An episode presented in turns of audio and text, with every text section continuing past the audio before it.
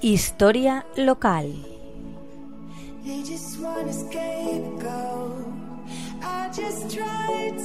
Buenas tardes, amigas y amigos de la Tegua Radio. Ya estamos en mayo y como me he trasladado a Madrid después de pasar las fiestas de Pascua o de comernos la mona en Monóvar, me encuentro con la festividad que celebramos aquí en la capital el día 2 de mayo la fiesta de la Comunidad de Madrid. Como es un hecho histórico muy importante para todos, no solo para Madrid, vamos a recordarlo.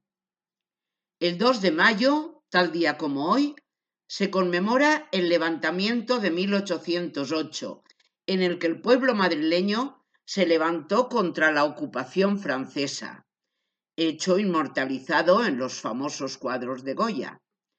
A primera hora de la mañana, grupos de madrileños comenzaron a concentrarse ante el Palacio Real. La muchedumbre conocía la intención de los soldados franceses de sacar de palacio al infante Francisco de Paula, último miembro de la familia real que permanecía todavía en Madrid, para llevárselo a Francia con el resto de la familia real. Por lo que, al grito proferido por José Blas Molina, que nos lo llevan. Parte del gentío asaltó las puertas de palacio. El infante se asomó a un balcón, provocando que aumentara el bullicio en la plaza. Un grupo que creyó que los franceses se llevaban al infante por la fuerza, atacó a una patrulla francesa, que solo pudo zafarse de la acometida por la intervención de un batallón y dos piezas de artillería que dispararon contra la multitud. El choque desencadenó una violenta reacción popular en la ciudad y precipitó que la lucha se extendiese por todo Madrid. Al deseo del pueblo de impedir la salida del infante se unió el de vengar a los muertos y el de deshacerse de los franceses. Los madrileños comenzaron así un gran levantamiento popular, espontáneo, pero largamente larvado desde la entrada de las tropas francesas, improvisando soluciones a las necesidades de la lucha callejera. Se constituyeron partidas de barrio comandadas por caudillos espontáneos.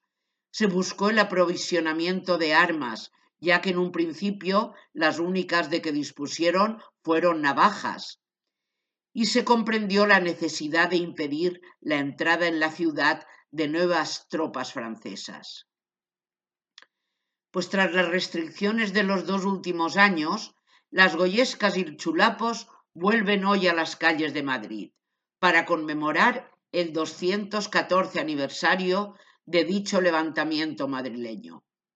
Habrá desfiles en la Puerta del Sol con la coronación de una corona de flores a las placas de agradecimiento a los que lucharon aquel 2 de mayo de 1808, así como a los ciudadanos que ayudaron a las víctimas del atentado del 11 de marzo del 2004.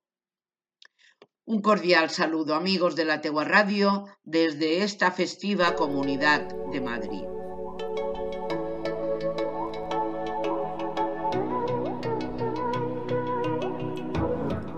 Historia local.